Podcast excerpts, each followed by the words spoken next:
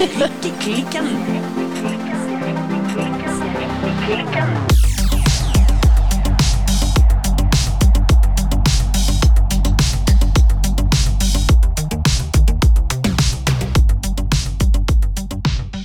Hei, Birte! Hallo, Silje. Jeg var så godt humør i dag av introen. Jeg Hørte det? Og så må vi også si hei, Tonje! Hallo, hallo. Hallo, Tonje. Hei. Men Birte, Ja. Hva strikker du i dag? Jeg strikker på min Ingen dikkedarer av mot. Ja, og det går fryktelig, fryktelig tregt. Treigt. Men det er greit. Treigt, men det er greit. Hører? For et ordspill! Hører du at det rimer? Jeg hører det. Å rime er å lime. Eh, Jeg har egentlig ikke så veldig mye spennende å fortelle om akkurat den prosessen. Ok? Jeg kan fortelle at jeg strikker på kubikspinner. Å, det er de der firkantede? Ja, størrelse fire og en halv. Åh, dette er så spennende. Det er kjempespennende. Eh, og kubiks er, som du sa, det er disse firkanta pinnene som skal være bra for skuldra, nakke, håndledd osv. Ja, funker det? Ja, jeg syns jo det. Jeg innbiller meg det. Halvveis overbevisende der, sånn Ja, funker som en kule, det. Altså, Hvis jeg hadde skifta til vanlig, så kan jo det hende jeg hadde kjent forskjell. Det veit jo jeg ikke. Nei. Nei, for det tør ikke jeg å prøve. Nei. Men dette er dette her er prosjektet som går i den ekstremt legendariske fargen støvet elg. Det er det. Og genseren skal egentlig strikkes på pinne fire. Mhm. Men min prøvelapp fra høsten 2020, altså denne her har jeg hatt på lista og planen lenge, Ja. den sa at jeg burde gå opp en halv pinnestørrelse. For jeg strikker litt stramt. Du strikker stramt. Ja. Men eh, det putler nå og går og koker og småkoker framover. Men eh, du da, Silje? Nei, jeg har egentlig litt lite å fortelle denne uken her. Jeg strikker nå i vei på den her ribbed jumper fra Anne Wendsel. Eh, Ja. Den blir fin, den altså. Det er ganske gøy å strikke med Altså Hvis du husker, så strikker jeg med én tråd norsk pelsullgarn fra Hillesvåg, Ja. og forskjellige tråder i mohair. En fra Isager, en fra Drops, og en fra eh, ja, Qing, Ja. Quing, Quang, Quing, Quang. Quing Fiber? Ja, Ja, det var det jeg sa. ja, jeg vet ikke hva du sa. Jeg vet ikke hva jeg sa sjøl engang. Nei, men du vet hvilket firma jeg mener. Ja, ja. Og det blir jo et sånt veldig sånn levende og spillende farge... Ja, det er grønt, men det er mange forskjellige toner av grønt. Så det er gøy. Det blir fint. Jeg har egentlig ikke så mye spennende å fortelle om den, altså. Men eh, kanskje, kanskje gjesten vår har noe spennende å fortelle? For ja, i dag så markerer vi en milepæl her i strikkeklikken og i strikkehytta. Vi har besøk! Ja! Yes. Det er stor stas for meg. Det er veldig stor stas eh, for oss også, for det er ikke hvem som helst vi har med oss i dag. Vi har besøk av Tonje Hodde, Hodne, unnskyld, aka Strikkekaffe. Yes. Strikkekaffe. Jeg sier strikkekaffe, men kaffe blir jo dialekt. Men Ja. eh, jeg tror jeg holder meg til strikkekaffe. Ja. Mm. Og da må jo selvfølgelig første spørsmålet til eh, Tonje her i dag være Hva strikker du på i dag? Jeg strikker på et skjerf eh, som skal bli et kommende design, som jeg har egentlig hatt i tankene siden vår. Oi! Ja. Så det blir rett og slett et kamskjellskjerf. Som blir ribbestrikka, sånn som den kardiganen eller jakken som jeg har laga fra før. Ja. Så jeg har lagt en del gensere og sånn, og da kjente jeg at eh, nei, det er på tide med litt tilbehør, og nå går vi mot vinter, og jeg trenger meg et fint skjerf. Og da blir det et kamskjellskjerf. Et ribbestrikka skjerf. Langt så og godt. så- utrolig kult. Ja, det, sånn- ja, det var det jeg skulle til å si. Blir det sånn langt og tjukt, sånn som man kan Ja. surre mange ganger rundt? Ja, det er tanken. Og så um, blir det òg dobbelt. Jeg strikker det rundt, og så tar jeg endene sammen, og så blir det dobbelt. Så det blir ekstra tjukt og ekstra godt. Oh, ja! Men det er samme strikkefasthet som kamskjelljakken, da, at det har, er på 22-10 og er med merino og silkemohair. Så ganske Ja. enkelt og klassisk og tidløst er tanken med det. Men har du noen idé om når det kommer ut som en oppskrift, så vi andre også kan få lov å strikke oss dette skjerfet? Det, det er ikke alltid så godt å vite på forhånd, men nå har jeg det med meg eh, her til Bergen og strikker på det og får mye strikketid på togturen. Men eh, ja. Det håper jeg ikke tar så lang tid. Det er jo at det må ut til test, og, og så må jeg se litt an når når, når, Når ting skjer. Men, men det må nå vel nødvendigvis gå litt fortere å lage oppskrift til et skjerf, for Ja. da slipper man jo disse jo utregningene. opp- Absolutt. Jeg har jo oppskriften eh, egentlig ferdig, men så er det å bestemme hvor langt det skal være. Og så har det jo vært en del tid som har gått til forberedelser til reisen til Bergen nå. Så da har jeg måttet sette det litt på vent, akkurat den prosessen, og få det ut. Men det, ting skjer nok fort når jeg eh, kommer tilbake til Oslo. No pressure, altså, på tida. Ja, men det er godt. Men kan du fortelle, dette strikker du da i én tråd merino og én tråd mohair? Ja, Ja. Så det er Sunday jeg bruker da. Ja. Mm. Spennende.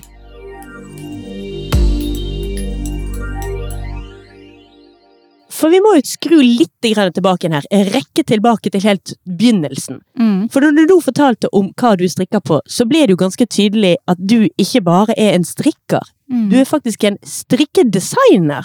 Ja, rett og slett. Så kan en jo påberope seg den tittelen der. Ja, det vil jeg jo absolutt påstå. Hvordan begynte du egentlig med denne her fenomenale arbeidstittelen strikkedesigner? Hvordan ble du det? Nei, det er jo Har jo for så vidt vært en eh, lang reise, vil jeg si. Men samtidig så skjedde det veldig fort. Um, ja, jeg har jo lenge lurt på hva i alle dager jeg skal bli, og prøvd å studere litt forskjellige ting. Mm -hmm. men alltid visst at jeg har en veldig sånn tydelig kreativ driv i meg. Men samtidig tenkt ja, hva kan en liksom leve av med det kreative? Mm. Så opp igjennom årene så har jeg fotografert mye og vært veldig sånn interessert i sosiale medier og har en bakgrunn som mediedesigner, som er en yrkesutdannelse fra videregående. Ja. Og så, i denne prosessen når jeg ikke fant ut av eh, med studier, så begynte jeg å strikke, og så har den hobbyen utvikla seg, og så så jeg her kjente jeg meg virkelig hjemme, og her fant jeg meg sjøl til rette og syntes at det var en plass der jeg virkelig kunne utfolde meg, og det var så mye å utforske, og ja, og så plutselig så lå liksom timingen til rette for at eh, nei, dette kan jeg jo prøve å finne en vei i sjøl. Så i vinter i fjor, ja, da er vi altså på vinter 2020, sant? ja, riktig. Det er ikke, det er ikke Det- som om du liksom kan et deg at du har eh, designet siden 1960-tallet. Nei, det var rett og slett det er, ikke, det er ikke et år siden engang. Jeg lagde min første genser, eller min første oppskrift. For før det så hadde jeg bare fulgt oppskrifter. Hadde aldri fristrikka sjøl, Ja. eller på en måte lagd noe sjøl. Så det var litt sånn Kan jeg egentlig gjøre dette? Det hørtes veldig gøy ut. Men er det liksom noe jeg kan fikse? Og så viste det seg veldig fort at ja, men dette mestrer jeg òg, og dette vil jeg fortsette med.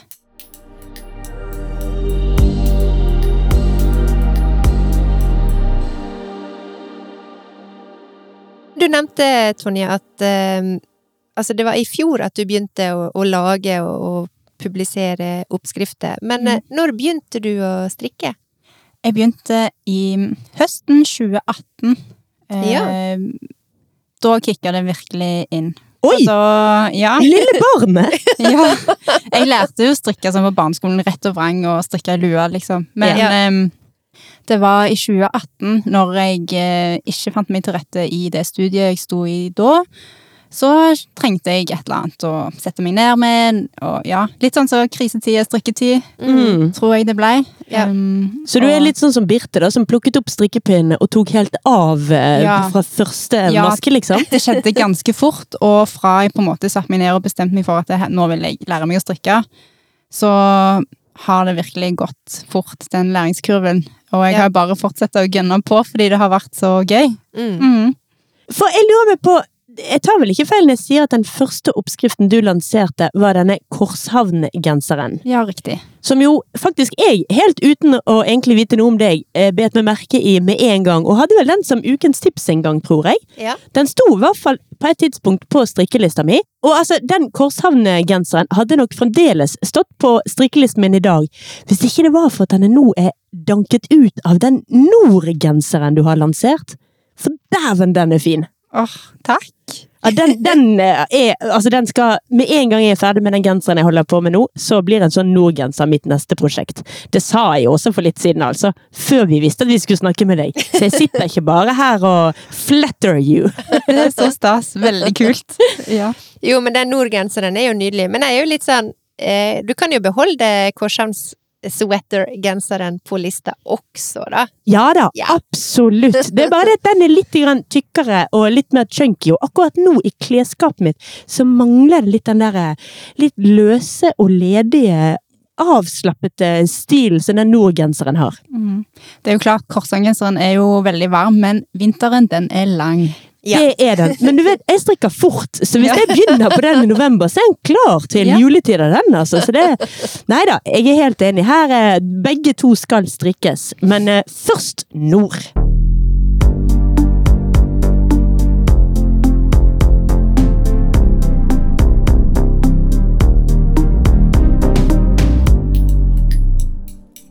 Men du sitter jo her eh, i en nydelig genser, Tonje. Hva genser er det? I dag så har jeg på meg Bore-genseren, eller Bore-sweater. Utrolig fin. Takk. Jeg regner med dette her er håndstrikk av deg sjøl. Det er det. Den er strikka i Per Gynt. Ja, fra Sandnes Garn. Ja.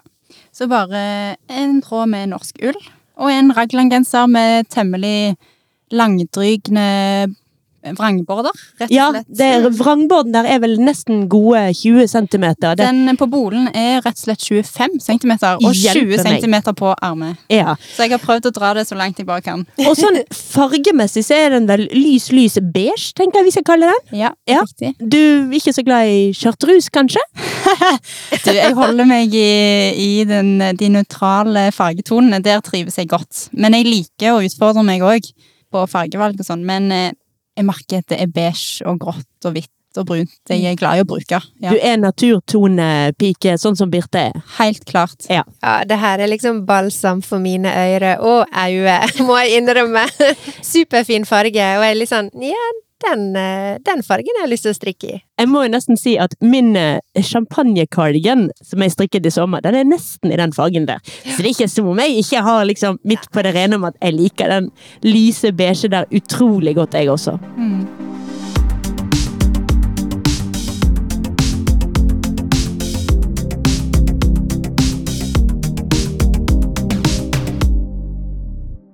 Hva inspirerer deg som, eh, som strikkedesigner, kanskje først og fremst? Oi. Det syns jeg Det er et litt stort spørsmål, og hvis jeg kan få svare rent personlig på det, Mhm. Ja. så eh, vil jeg først kanskje tenke for min del at jeg eh, blir inspirert av Gud. Oi! Faktisk. Det får en si! Ja, det, det kan jeg eh, dra videre òg, eller sånn eh, dra litt nedpå òg. Sånn at folk kanskje forstår det på en litt annen måte. Men for meg så handler det om personlig at jeg tror på en gud som har skapt. Og, eh, og det er spennende, og det er stort, eller liksom fint for meg å kunne sette det å skape ting og, og få lage ting, og bruke de evnene, sette det i et litt større perspektiv. Mm. Men det er sånn rent personlig for min del. Og i det så blir jeg inspirert av mennesker og kunst og natur og farger, og det er så mangt. Det, jeg tror jeg suger liksom til meg inspirasjon fra alt slags i omgivelsene mine. Ja. Så jeg er litt sånn eh, Jeg føler meg ikke så snever på det.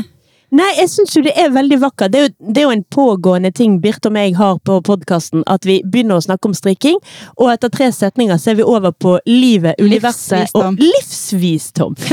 Men vi må vel innrømme at vi har vært litt dårlige på å komme oss inn på religion. Ja. Så Ja. hvis du kan hjelpe oss inn i den veien, og sette opp en link mellom strikking, strikkedesign og Gud, da har vi virkelig Wow. Altså, da er det verdensherredømme next. ja.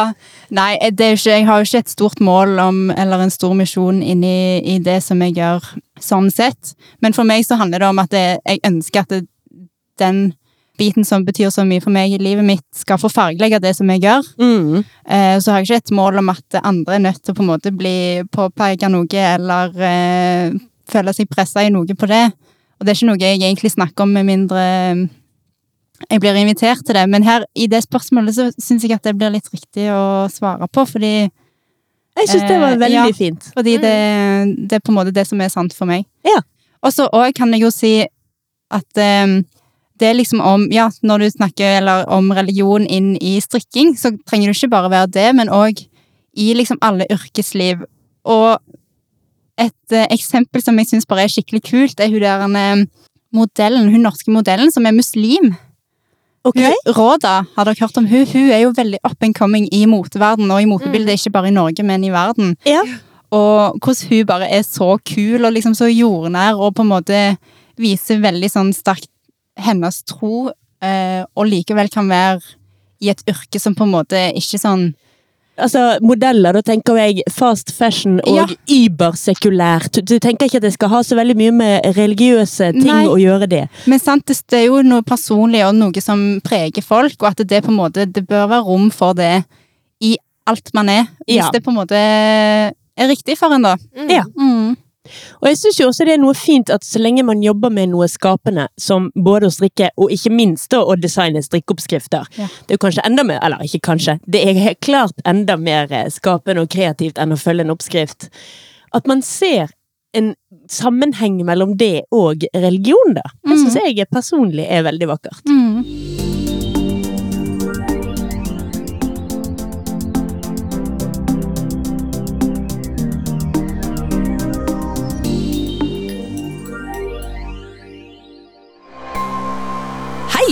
Vi er Silje og Birte fra Strikkeklikken.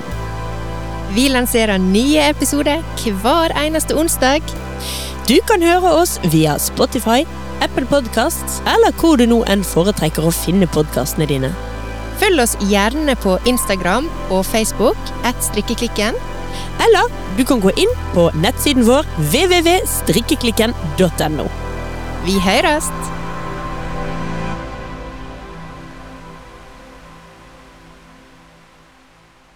Men vi nevnte altså på, på Instagram, og kanskje som designer, så heter jo du Strikkekaffe. Yes. Og jeg lurte på, har du lyst til å fortelle litt om, eh, om det navnet? Absolutt.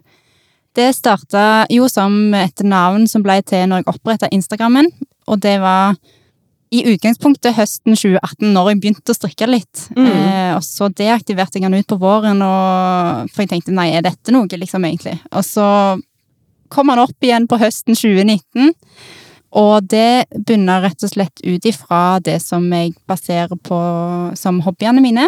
At eh, der var det på en måte Jeg kunne skape et kreativt rom, eh, og for meg så var de tingene, de tre på en måte kreative, sentrale interessene mine da, det var foto Mhm. og strikking og kaffe. For jeg hadde jobba som barista, eller jeg jobba på det tidspunktet òg som barista.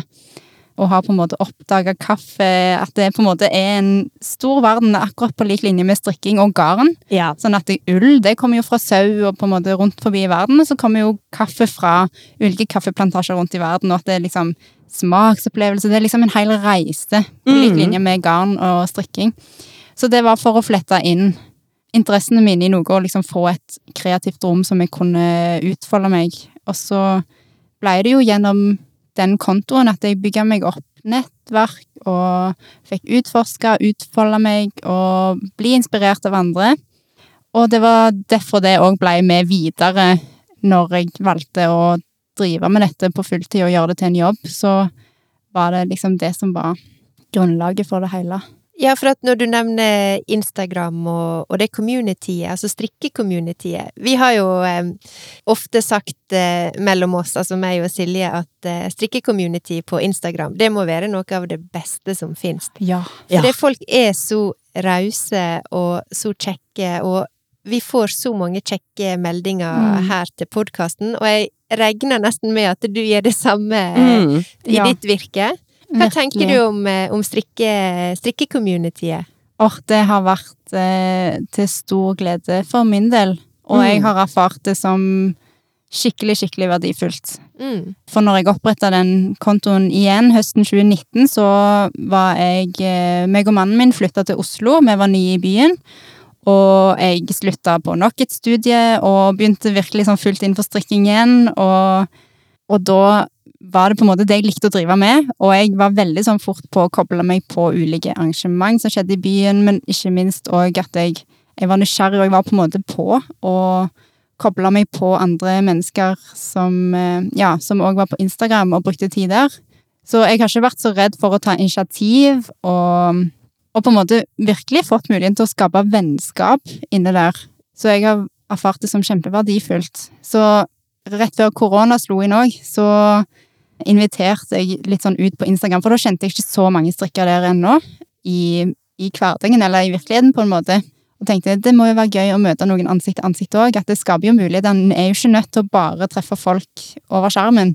Og det syns jeg kan være litt slitsomt i perioder, eller at det er litt sånn Men jeg, du savner litt den ansikt til ansikt, Mhm. og virkelig de relasjonene, da. Så jeg åpna opp, eller la ut en story om at eh, hvis det er noen som har lyst til å komme hjem på en strikkekveld til meg, så ønsker jeg å skape et rom for det. Mm. Og dette var i februar 2020, så det var rett før korona, så vi var en liten gjeng der, og det var wow, en fantastisk eh, fin kveld med fantastisk fine folk. Og så slo korona til. Så det siste dere rakk å si til hverandre var åh, dette var hyggelig, det må vi gjøre igjen. Riktig. Ja. Og så, så kom og så korona. kom koronaen. Ja. Men da ettertid, så har jo, eller i, i korona, så har jo egentlig det vært bare superfint å ha ha de relasjonene på Instagram og kunne møte folk der. Det tror jeg har vært viktig for veldig mange. ja, det ser man jo om hvor mye dette strikkecommunityet på nett har vokst akkurat i den perioden.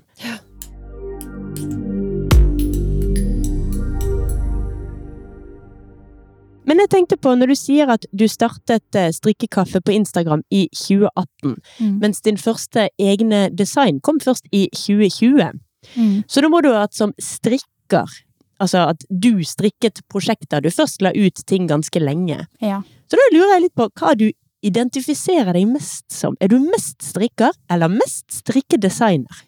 Oi, jeg eh, er nok litt sånn jeg omfavner veldig eh, Når jeg tar nye valg, så omfavner jeg det veldig. Mm. Sånn at nå føler jeg at eh, det er strikkedesigner jeg vil identifisere meg som nå. Ja, Nå gjør jeg noe veldig annerledes enn det, det jeg gjorde før. Mm. Ja. Så ja, selv om jeg har strikka på en måte lenger enn jeg har designa, så Det er der hjernen din er nå på Ja. å designe ting, og å både, både designe det, men også regne ut. Jeg regner med det er mye matematikk i å lage en eh, oppskrift. Absolutt, det er mye det. Og så er det mye annet òg. Det er jo en hel pakke. Ja, ja, for jeg tenkte litt på hva er det som er viktig å kunne, eller altså hva slags skills eh, må en ha hvis en skal bli strikkedesigner? Det er òg et veldig godt spørsmål, for jeg tror det er mange måter å gjøre det på.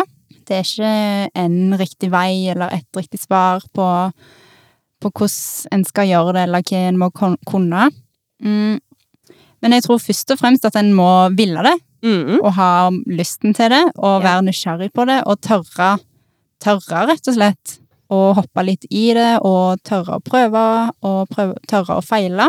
Og sånn, iallfall for min del, så var det liksom ikke noe annet jeg hadde lyst til å gjøre. Det er sånn, Jeg visste ikke hva jeg skulle gjøre hvis jeg ikke prøvde å satse. Mm. Det er, en, Eh, det er jo en sterk og god motivator. ja, absolutt. Men ja, en må jo ha litt interesse for eh, tall. Nei, det blir kanskje feil å si òg, fordi jeg er ikke så interessert i tall, egentlig. Eh, men, men det var bare veldig gøy å oppdage at ja, men det fikser jeg òg. Mm. At eh, ja. Jeg tror det beste svaret blir at du bør være nysgjerrig og tørre å hoppe inn i ting som du kanskje ikke trodde at du kunne eller ville mestre. Og så vil du erfare at eh, noen ting fikser du bedre enn andre ting, men ja, og fortsette å prøve. For at når du begynte å strikke, eller når du strikka ikke dine egne oppskrifter, da, var du sånn som modifiserte mye på oppskriftene? Tok du deg friheter? Var det sånn du fant ut at eh, du hadde lyst eller talent for å, å designe egne oppskrifter, eller hvordan, hvordan var du som strikker, eller er som strikker? Ja, nei, jeg eh, gjorde ikke så veldig mye ja, justeringer fra oppskriftene når jeg fulgte de. Det var om det var litt på lengde, men jeg var veldig lite kreativ når jeg fulgte oppskriftene. Det var liksom Jeg tror jeg har veldig respekt for oppskriftene, og, og det gjelder gjerne hvis jeg lager mat eller andre ting òg, at jeg er litt sånn Jeg liker å følge ei oppskrift. Du er Birte, du! Ja, det kan være, nei. Um, men det var rett og slett at uh, at jeg, jeg trengte liksom å finne mening i noe som jeg fulgte dagene mine med, og at em, ja, den kreative driven i meg, at jeg ønska virkelig å drive med noe som jeg trivdes med. For det hadde jeg jo sett gjennom studie, andre studieforsøk, at eh, jeg klarte ikke å identifisere meg med de yrkene, eller liksom se for meg hvordan jeg skulle på en måte gjøre det i et eh, langt livsløp. Mm. Så den kreativiteten, og bare kunne bruke den på en sånn fleksibel og egen måte, det var en stor motivasjon for å hoppe inn i det. Og så har jeg absolutt hatt eh, forbilder i andre som har gått foran meg. Både her i Norge, men òg eh, ja, på Instagram så er det liksom så tilgjengelig. For jeg fikk jo testdrikka en del for andre, sånn Vitt Red Sign og Petit Nytt og My Fairy Things, og, og absolutt, det har vært eh, forbilder for meg. Ja, så du Mm. begynte som teststrikker, eller i hvert fall om ikke begynte, du var i hvert fall teststrikker for de før du begynte som strikkedesigner sjøl. Riktig. Men jeg vil jo likevel si, for denne her første designen du hadde, Korshavn Sweater, når den kom, så var den ganske annerledes enn alt annet, eller ikke alt annet, men mye annet, som var liksom veldig tydelig framme på Instagram da. Da var det mye glatt strikk, Mm. og liksom litt grann strukturstrikk, men jammen ikke mye. Nei. Og inn fra sidelinjen så kom denne her eh, strikkekaffen, som jeg aldri hadde hørt om, med en slags sjakkmønstret Ja. strukturgenser. Ja. Så den, altså, den poppet jo ut med Ja. en gang i mine øyne. Absolutt. Og jeg tror kanskje den gjorde det veldig enkelt for meg òg å tørre å satse, fordi jeg tror nok jeg er en person som er glad i glattstrikk og glad i veldig basic og tidløse plagg som ikke nødvendigvis gjør så mye ut av seg fargemessig eller strukturmessig. Men elsker å leke og utforske på en måte innenfor strikkingen eh, og, og på en måte tørre å utfordre meg med det jeg gjør. Så jeg tror nok at når jeg kom opp med den ideen, eller fikk til å lage den, så ble jeg sånn Oi, dette er annerledes. Dette er jo sikkert ikke bare jeg som vil sitte på denne genseren, kanskje noen andre vil, for det hadde jeg ikke sett ute der før. Nei. Og det var jo gjerne det som åpna den døra for meg òg, at eh, ja. Ja, fordi at både Altså, designen er jo nydelig, men timingen var også så perfekt. For det var liksom akkurat idet man var blitt litt sånn Å ja, skal jeg strikke meg enda en glattstrikkgenser ja. med raglan? Jeg kommer aldri til å si noe stygt om eh, glattstrikk, altså. Det var timingen i tillegg til designen på den genseren som virkelig slo meg som så enormt eh, genialt. ja. Jeg tror nok at den fylla et lite rom der, faktisk. Eh, Mm.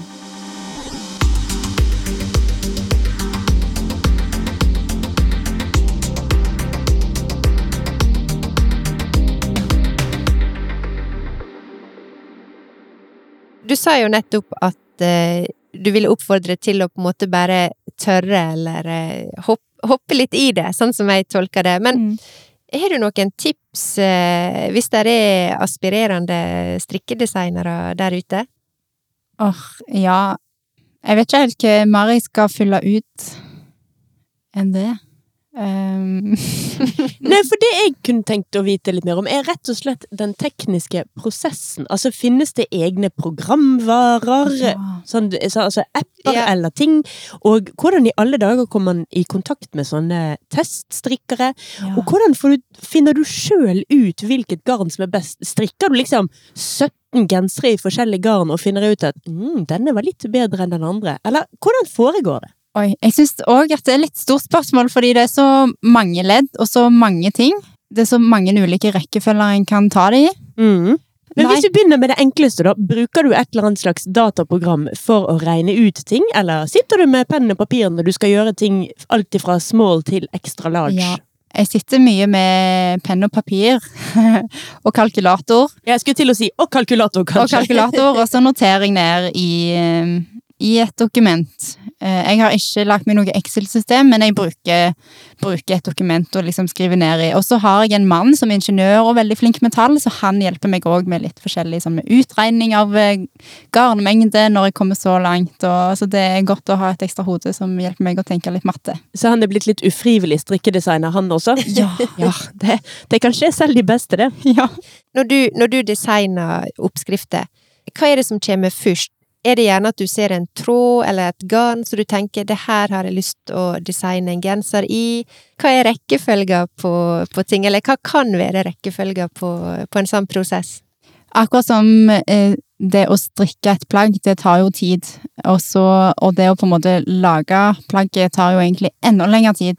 Mm. Og for min del så handler det nok om at det er litt sånn i perioder at jeg eh, er i en sånn kreativ eh, kreativt overskudd, eller der det bare blomstrer med ideer, så får jeg ned masse ideer, og så er jeg liksom i den flyten at jeg eh, blir inspirert av mye og får veldig mange nye innfall og ideer, og så tegner jeg eller skriver det ned og, og tar vare på det. Og da har jeg materiale å jobbe videre med. Så er det gjerne ja, ideer til ulike prosjekt, og da kan jeg på en måte underveis og over tid finne ut at der, eh, der er det kanskje et garn som passer til det som jeg har fått en idé om der. Mm. Der er det kanskje en detalj jeg kan dra inn i det prosjektet som liksom lar brikka falle litt mer på plass. Og det er det, det, det, det som gjør det litt vanskelig å svare på, fordi det er så Det er relativt komplekst, opplever jeg det som, egentlig. Det er som et slags lappeteppe, nesten. Altså Ja. Der bitene skal på plass, rett og slett. Men hvis en ønsker å gjøre dette sjøl, så trenger en jo ikke gjøre det mer komplisert enn det er heller. En må bare finne en vei som er riktig for seg. Mm. Men det virker jo som du veldig tar utgangspunkt i deg sjøl og ditt liv når du designer. Mm. Sant? Både med liksom stil og sånn, da, men også da hva det er du designer. Altså hvilke type plagg. Som du sa nå, nå skal du lage et skjerf Ja. fordi nå er du kald, og nå har du nok genser, og nå trenger akkurat du et skjerf. Ja.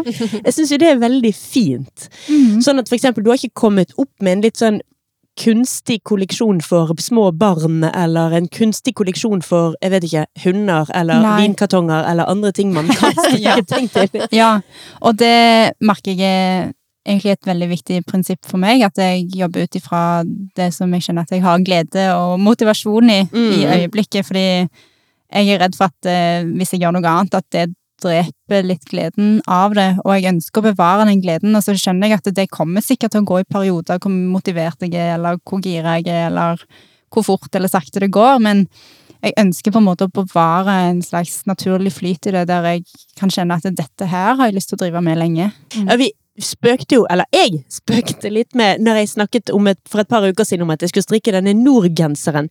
Så jeg leste jo opp fra nettsiden din at det var eh, moderne strikketøy for Nei, hvordan var det? For den moderne kvinne. Den moderne strikker. Det var en eller annen sånn formulering. Moderne strikker, ja. Ja, og jeg spøkte med en gang med 'dette er jo meg'. Jepp, jepp, jepp. Yes, yes, yes. Så for du har jo Det er jo et eller annet som er både veldig moderne, men også tidløst over designene dine. Ja. Som er et ord eh, vi i strikkeklikken støtt og stadig kommer tilbake til. Mm. Sjøl jeg som er, nok er litt mer far out enn Birte, Mm. er jo veldig glad i tidløst design og Mm. plagg man kan bruke i årevis. Ja.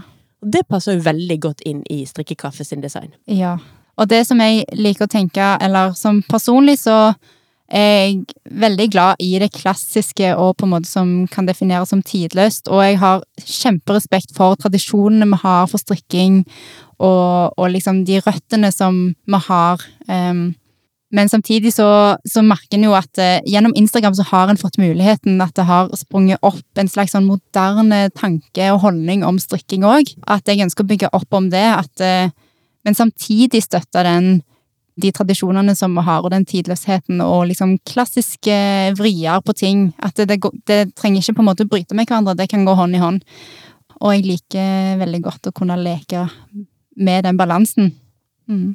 Der er jo lange tradisjoner i strikk, men vi skal jo skape noe nå også. Mm. Hva er liksom 2020-tallets eh, Altså i et fremtidig perspektiv, hva er 20, vil være 2020-tallets eh, tradisjoner, eller eh, eh, visuelt eh, bilde? Så det, jeg syns jo det er viktig. Setesdalskoften fra 2021, liksom. Ja. Ja, Noe må det jo være som skal ta tradisjonen videre. Vi kan ikke alle sitte og strikke trønderrosetter eh, Mm. langt helt inn i evigheten. Mm. Så nei, jeg er helt enig, jeg syns det er kjempeviktig.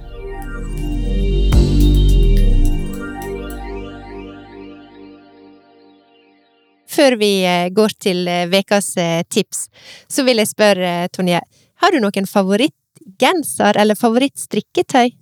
Og jeg syns ofte det er vanskelig å lande noe favoritt, for jeg tenker det, for meg så er det ting som kanskje endrer seg litt, og jeg liker variasjon i ting. Jeg eh, tror ikke jeg er så glad i på en måte å gå i faste mønster på ting. Men eh, ja, jeg har jo blitt veldig glad i, i de siste plaggene som jeg har laga, at det, det er ting som jeg virkelig kjenner dette er jeg fornøyd med. Dette er på en måte såpass basic og tidløst eh, Mm. i mine øyne. Så blant annet en eh, boresweater som jeg eh, sitter her og har på meg nå. Ja. Em, Den er jeg veldig fornøyd med. En klassisk raglan-genser med noen litt sånn egne detaljer, det tenker jeg slår ikke feil. Ja, for jeg, jeg skjønte jo ikke det helt med en gang. For du har rett og slett designet denne boregenseren sjøl. Det er rett og slett en strikkekaffedesign? Rett og slett. Ja. Den er jo helt fantastisk nydelig, og jeg ser at eh, den her skal inn på strikkelista eh, mi. Kanskje ikke før i 2022 med mitt tempo, men ok. Nei, den er utrolig fin, så jeg skjønner godt at den er på favorittlisten din. Enn hva med favorittmateriale? Har du noe garn du foretrekker framfor andre? Jeg har jo virkelig fått oppdaga og fått øynene opp for norsk ull. Det skal jeg ikke legge lokk på, eh, og har brukt det en del i mine design. Mm. Og samtidig så er jeg også opptatt av å ikke på en måte gå i de samme sporene, at jeg skal kunne utforske og på en måte gå litt utfor grensene mine òg, men, men norsk ull, det både sånn med miljøhensyn og, og de fantastiske egenskapene som norsk ull har, så Mm. syns jeg det er kjempefint å bygge opp under det. Og det som er litt spesielt med denne boregenseren, da, er jo at den er bare strikka i Per Gynt, som er norsk ull.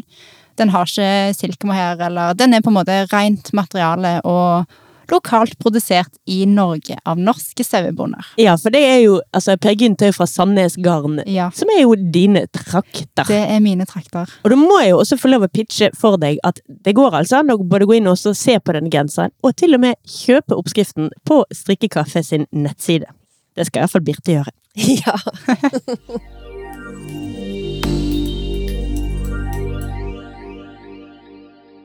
Tonje, det har vært fantastisk eh, kjekt å ha deg her i eh, strikkehytta. Dette her må vi gjøre oftere, Silje, ha besøk. Ja, utrolig kjekt å ha besøkere, altså. Det er jo en ting vi har snakket om å ha lenge, men på grunn av korona og det faktum at vi hadde en mikser med bare to lydinnganger, så har vi ikke kunnet eh, ha gjester før nå. Ja. Så det er veldig kjekt at vi har fått lov å ha en gjest i strikkehytten i dag. Jeg føler meg bedre. Virkelig. Vi gleder oss også veldig til å følge deg videre, Tonje. Men før vi avslutter i dag, så må vi nesten ta en runde på ukas eh, tips. Og Tonje, hva er ditt eh, beste strikketips? Mitt beste strikketips akkurat nå må være at eh, jeg har dratt litt fra det at en ting moderniseres, og det på en måte angår også strikkingen, så er det jo litt nye strikkeapper som begynner å komme opp. Eh, det dukker opp nye apper for strikkere for å liksom kunne organisere lageret sitt, garnlager, få oversikt på prosjektene sine og pinner og Så jeg vil anbefale en app eller to, Ja, hvis jeg får ja. lov. Absolutt. Så forrige uke, eller for noen uker siden, så Eller veldig nylig, så var det en app som heter Nit-app, som ble lansert. Ja. Den kan altså lastes ned i AppStore, men så er det òg en app som er mer sånn nettbasert app, som ikke fins i AppStore, men som heter Nit and Note. Og, og begge, begge folka bak de appene er kjempedyktige og, og har litt sånn ulike språk, så jeg tror de treffer litt sånn forskjellige folk, men veldig verdt å sjekke ut. Men det skal vi absolutt gjøre. Det er jo ikke så veldig lenge siden jeg ryddet litt i stuen min og fant en enorm pose med strikkepinner. Stort sett rundpinner, og jeg hadde ikke engang merket at disse sikkert 50 strikkepinner var vekke. Så et litt sånn fast sted å organisere hva jeg faktisk eier, og ikke gå og kjøpe nytt hele tiden hver gang jeg bare skal et eller annet og mangler noe, tror jeg. Det høres ut som noe for meg. Da kan du bare gå inn i appen og sjekke. Har Ja. jeg den pinnen, egentlig? Ja. altså, jeg har den jo. Ja. Ja, nei, altså det er veldig fine tips, Tonje, for at det her er ikke vår sterkeste side, det her med å organisere oss eh, på den måten, så jeg skal absolutt sjekke ut tipsene tipsa dine.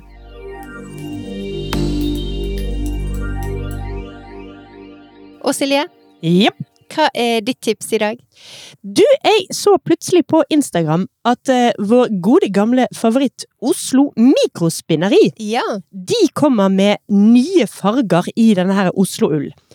Og jeg har ikke sett noe navn på disse fargene, men det er et bilde de har lagt ut på Instagram, så jeg må jo bare dikte mine egne farger, da. ja. Nemlig Disko Intens Rosa. Ganske fin og mjuk lilla. Mhm. Intensa chartreuse. Rust, veldig blå og turkis. Og en litt annen lilla tone også. Dette her er jo laget i det Oslo-ullet, som Ja. er 100% norsk ull, blandet med morbærsilke. Og det har vi snakket om før, om hva er egentlig morbærsilke? Hva er forskjell på det og vanlig silke? Så da var jeg inne på Store norske leksikon. Ja. Og der viste det seg at hun eh, Ingunn Grimstad Klepp, hun som jo har skrevet norsk strikkehistorie, som jobber for eh, Oslomet, Ja. som vi kaller det. Hun har skrevet en artikkel der om eh, hva morbærsilke er. Det er altså dyrket silke, og kalles også bare silke, eller ekte silke. Ja. Så det er rett og slett silke. Så da lærte vi det. Morbærsilke er silke. Ja, og jeg hadde tenkt at eh, morbærsilke, det var det som på engelsk heter mulberry silk. Det kan godt være, men i så fall er mulberry silk det som heter silk. Ja, Så da eh, Der gikk det full vi ut av det. Da, nå kan vi det. Enn du, Birte? Jo, det begynner jo faktisk å bli høst ute, selv om eh, det ikke er så lenge siden vi hadde tidenes eh, fønvind her i Bergen. Men dagene og ukene går, og det blir unektelig kaldere ute. Jepp.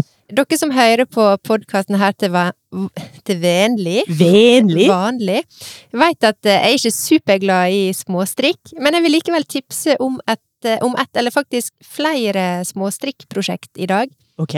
nemlig Siris enkle hals. Jøss. Og det er en superenkel hals, Ja. som finnes i flere varianter. Og hvis du er sånn som meg, som trenger oppskrift, så får du med Dette er en slags sånn oppskriftspakke. Sånn at du får med fem varianter av hals i forskjellige størrelser. Vi snakker fra barn til voksne, og small, medium, large eh, i voksenstørrelsene. Lite hode, vanlig hode og stort hode. For eksempel. Eller liten hals, stor hals. og så får du også med en eh, balaklava-oppskrift. Så denne Siris enkle hals, eh, det er rett og slett en liten eh, forundringspakke av eh, varme og småstrikklede, vil jeg si. Oh. Og du finner oppskrifter, eller oppskriftene som det strengt tatt er, på et krauseri på Instagram, Mhm. eller krauseri.no. Krauseri.no. Så det var mitt tips.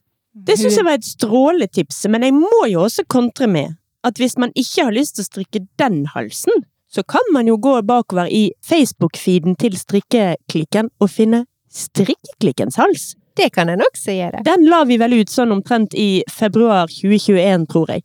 Når, det var på, når vinteren var på sitt kaldeste. Ja. Det er en ekstremt enkel hals som passer til alle hoder.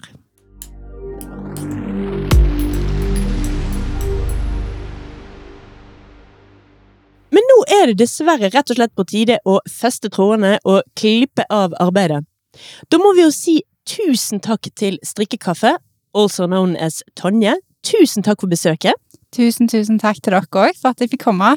Det var skikkelig kjekt å ha besøk. Jeg merker jeg kunne bare sittet her utover kvelden, jeg, altså. Samme her. Jeg også, men vi blir nok dessverre nødt til å gi oss. Så da har jeg bare lyst til å ønske dere begge to en Ja. riktig så god uke. Tusen takk for det, Silje. Jeg vil også benytte anledninga til å si tusen takk til deg, Tonje. Det var superkjekt eh, å ha deg her og bli litt mer kjent med deg. Og jeg håper at eh, vi vil se mye til deg eh, framover. Og jeg vil si takk til alle lytterne våre. Da høres vi igjen om en uke. Ha det på badet! Ha det bra! Ha det bra! det er alltid